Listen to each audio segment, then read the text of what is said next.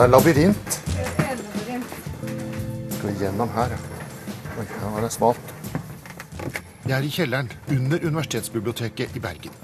Her loses jeg forbi reol på reol med bøker og andre trykte skrifter. Her, i en liten del av kjelleren, ligger et arkiv som er enestående i Norge. Vi har samlet et par år, men i vår åpnet Skeivt arkiv.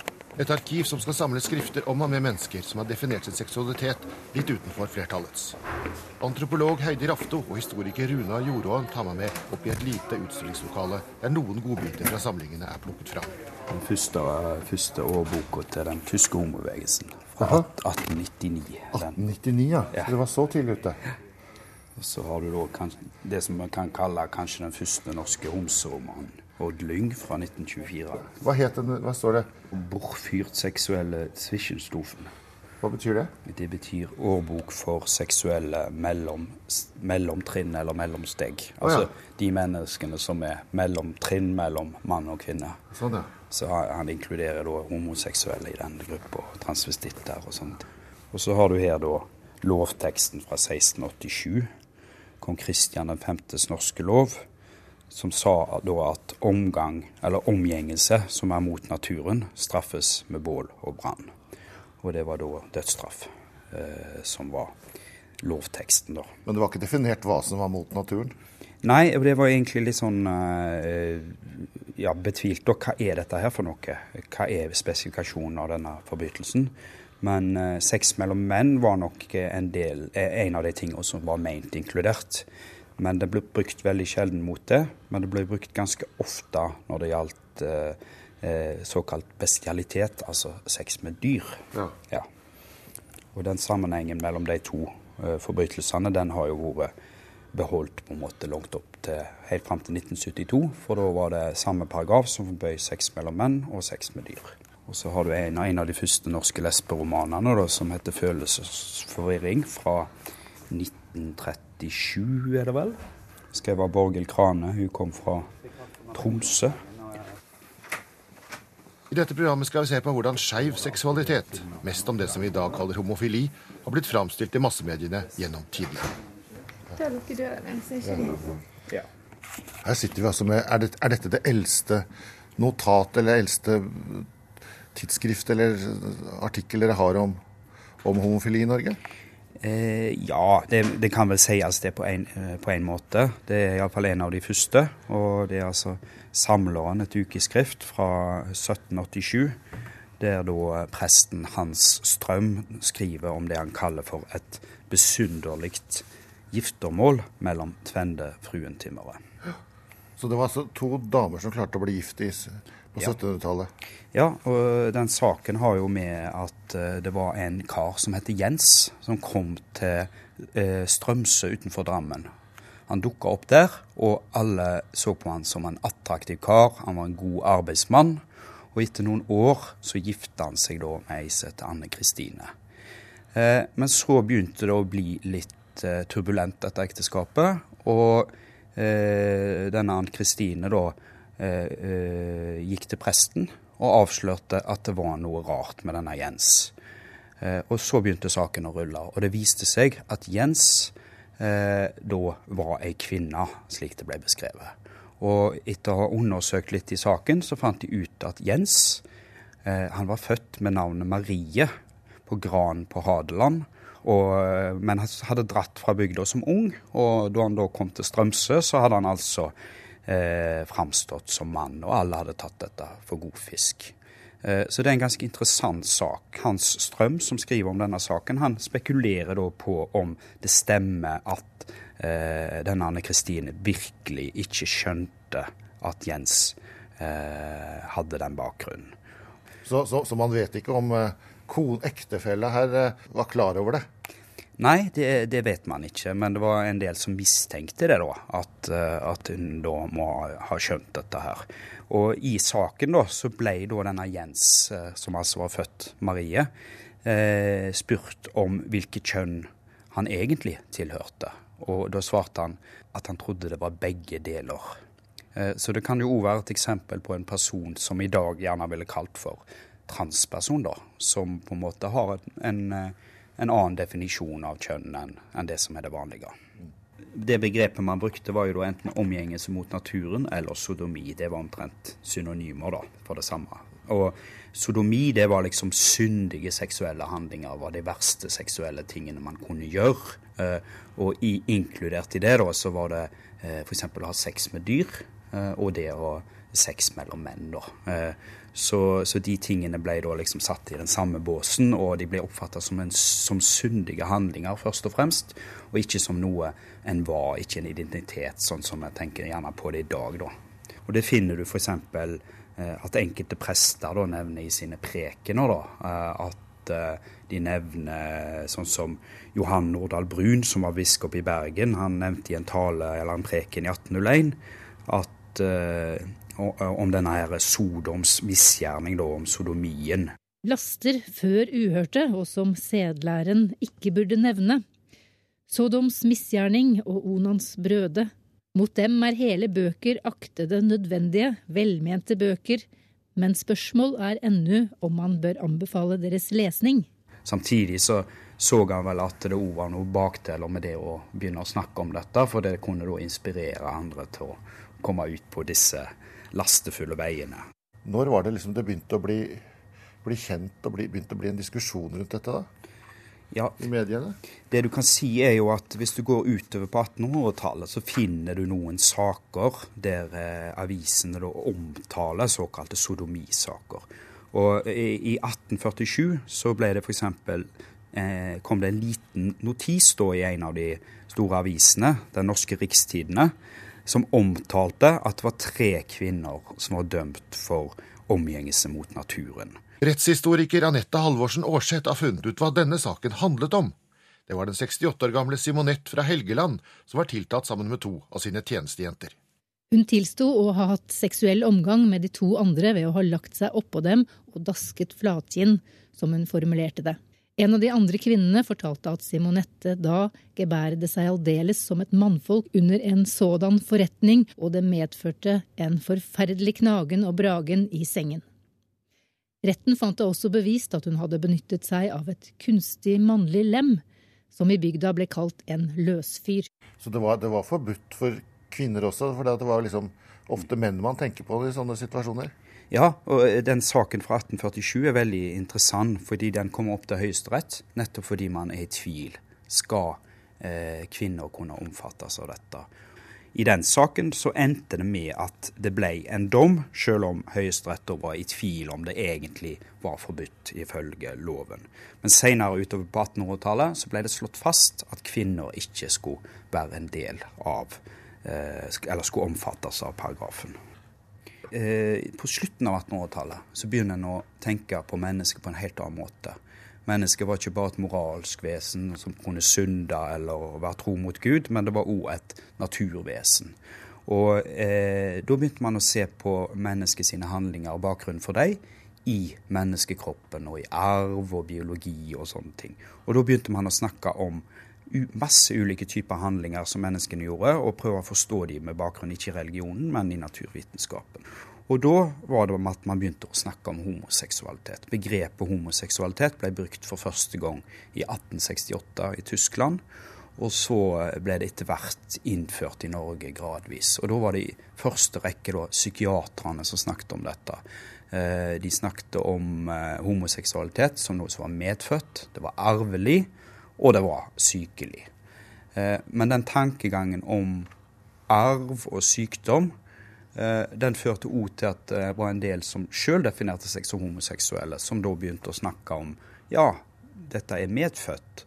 Eh, dermed så må det være en naturlig del av menneskenes liv, og dermed bør det avkriminaliseres. Hvor mye skrev norsk presse om dette, da? Den som på en måte brakte denne nye oppfattelsen om at homoseksualitet var medfødt til Norge, det var Ebbe Hertzberg. Han var professor på universitetet, og han eh, var, eh, var en meget eh, vel ansett mann i Norge. Han hadde òg vært minister i en av regjeringene. Men så begynte det rykter om at han hadde hatt seksuelle forhold til unge menn. Og det ble en voldsom svær rykteflom om dette. da. Men så dro han til Tyskland, og så fikk han en erklæring på at det var medfødt. Og at han ikke kunne noe for det, og at det var naturlig. Tok han den tilbake til universitetet. Og så sier universitetet denne erklæringen her er jo bare ytterligere grunn til at vi må sparke deg fra stillingen. Så han mista stillingen sin. Interessant med den saken der er at han ikke blir omtalt i eh, pressen. Så det er nok en tankegang i Norge om at man fremdeles skal prøve å legge lokk på sånne ting, ikke omtale det, og at, eh, at det er fornuftig. Men det forandrer seg jo da etter hvert. Ja. Utover i Europa da, så begynner det å bli en god del oppmerksomhet om eh, det man da etter hvert kaller homoseksualitet. Og en av de store milepælene da er rettssaken mot Oscar Wilde i 1895 i England. Eh, han, det blir da avslørt at han har hatt eh, forhold til andre menn. Og eh, det var ei sak som fikk stor oppmerksomhet i media, og så vidt jeg kan se, òg i svenske og danske aviser. Men fremdeles så kan det se ut for at norske aviser er ganske beskjedne med å omtale det. Samtidig så kan du si at allerede i 1891 så hadde Bjørnstjerne Bjørnson vært ute og sagt uh, at uh, det var visse typer for seksuelle forbrytelser som han mente ikke lenger burde være forbrytelser.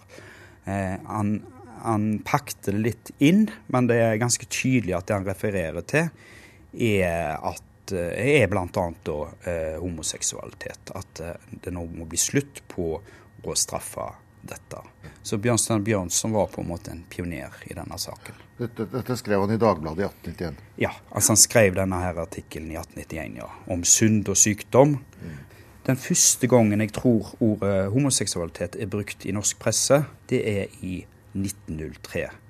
Og da er det en lege, en psykiater som heter Eivind Krogh, som er i Berlin. Og han skriver da en slags rapport hjem da, eh, i, i, til da Verdens Gang, denne avisa Verdens Gang.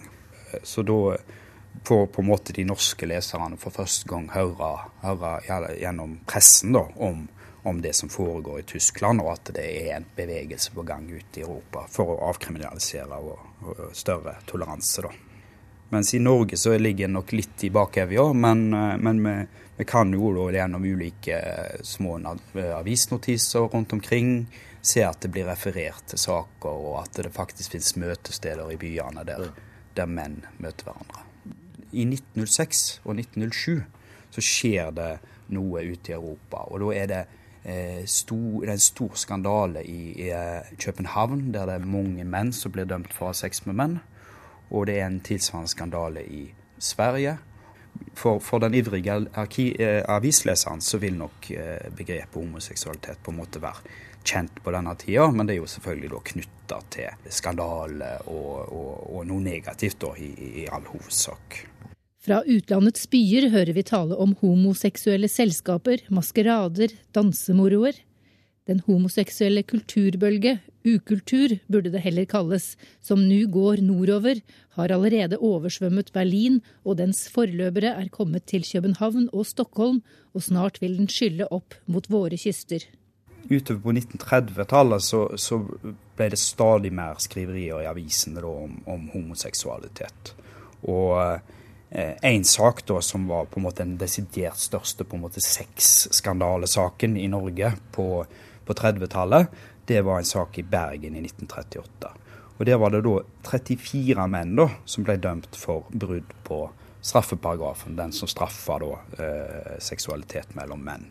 Og, og, veldig mange av de som hadde, ble dømt, hadde hatt da, eh, sex med, med, med, gutter under 21 år. altså. Så, så, så det var eh, Det ble en slags sånn panikkstemning her om at, eh, om at liksom eh, ungdommen ble forført, og eh, man snakket om at de kunne bli homoseksuelle da, hvis de hadde sånne opplevelser da, eh, fram til de var 21 år. Altså. Den type saker òg eh, bidro veldig til at man knytta det med homoseksualitet til det vi i dag ville kalt pedofili. Altså Man hadde ikke noe sånn begrepsmessig skille, på en måte. Og denne tanken om at ungdommen da på en måte kunne bli forført til å bli homofil, det var noe som eh, hang igjen til langt inn i etterkrigstida, og som var et, på en måte en sånn trusselbilde som man forestilte seg når man, når man snakket om eh, homoseksualitet. Så kom nazismen og krigen, og homobevegelsen i det en gang så liberale Berlin ble forfulgt, slik homofile ble i mange okkuperte land. Den største delen av Skeivt arkiv er naturlig nok fra etterkrigstida. Men før vi gyver løs på store bunker med presseklipp, forteller Heidi Rafto og Runar Jordåen om ideen bak Skeivt arkiv. Eh, Skeivt arkiv er et eh, nasjonalt dokumentasjonssenter og arkiv der vi skal ta vare på den skeive historien i Norge i så bred forstand som mulig. Dette er jo ganske nylig åpnet. Hvordan går dere fram for å samle stoff? Eh, vi har fått mye. Altså, det har kommet til oss. Men det kommer jo ikke av seg sjøl, så det er viktig for oss å gjøre det synlig at vi finnes, at vi eksisterer. Så folk får vite om det. Og mange blir glad når de oppdager at det er et sted som kan ta vare på det materialet de kanskje sitter på, og har sittet på gjennom veldig mange år. Som aktivister, privatpersoner, initiativtakere og ildsjeler i organisasjoner. Eh, og er glad for å kunne gi oss det materialet. Hvorfor har dere valgt navnet Skeivt arkiv? Det er fordi at skeivt er et navn som fenger litt, favner litt bredere enn homo, f.eks. LHBT. Som er nyere begreper som vi bruker i dag, om lesbisk, homofil, bifil og trans. Mens i et historisk perspektiv så er jo ikke dette ord som nødvendigvis folk brukte om seg selv. Sånn at skeivt dekker et helt annet spekter. Du har jo sånne begreper som eh, man ble brukt før i tida, da. Som tvitutling og hermafroditt og sodomitt og i det hele tatt.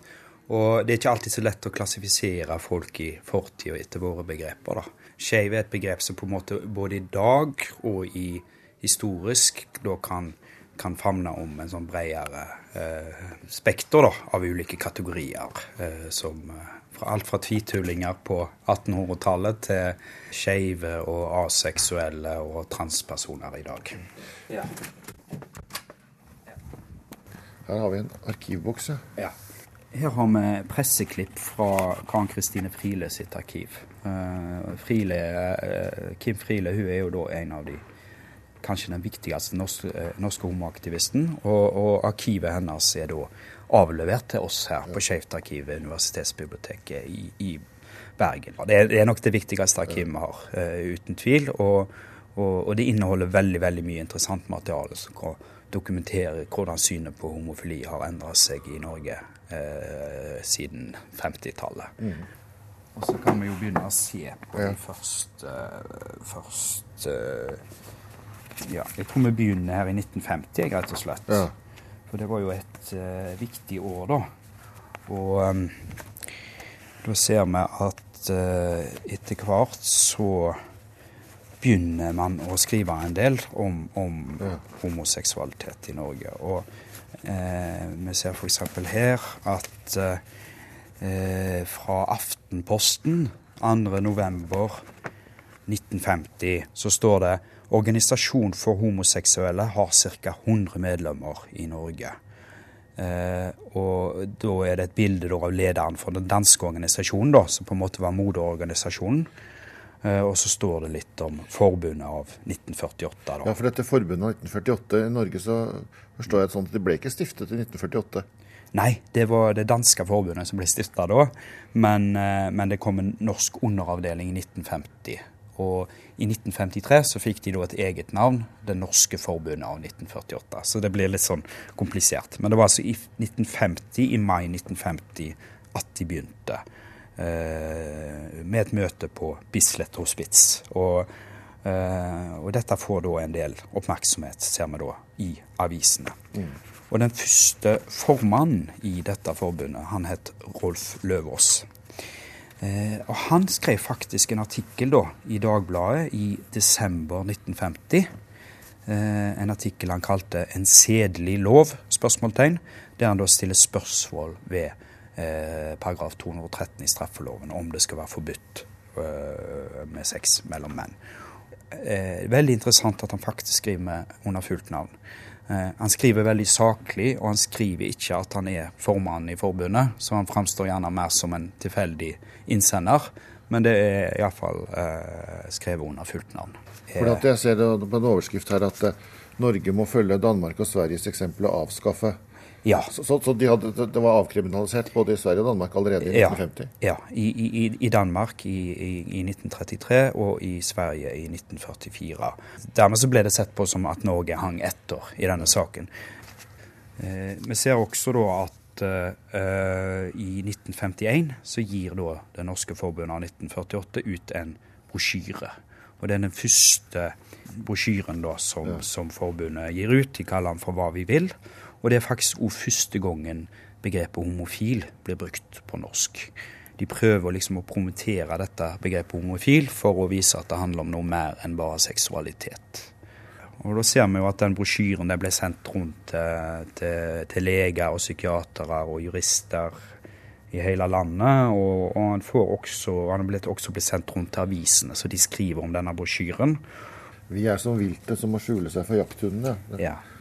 Det er et av uttrykkene da på en måte som, som blir brukt da i, i denne brosjyren. Og, og de, de, bruker jo også dette argumentet da om at, de, at det er noe naturlig, at, de med, at det er medfødt, og at uh, dermed ikke kan straffes eller fordømmes på noen måte.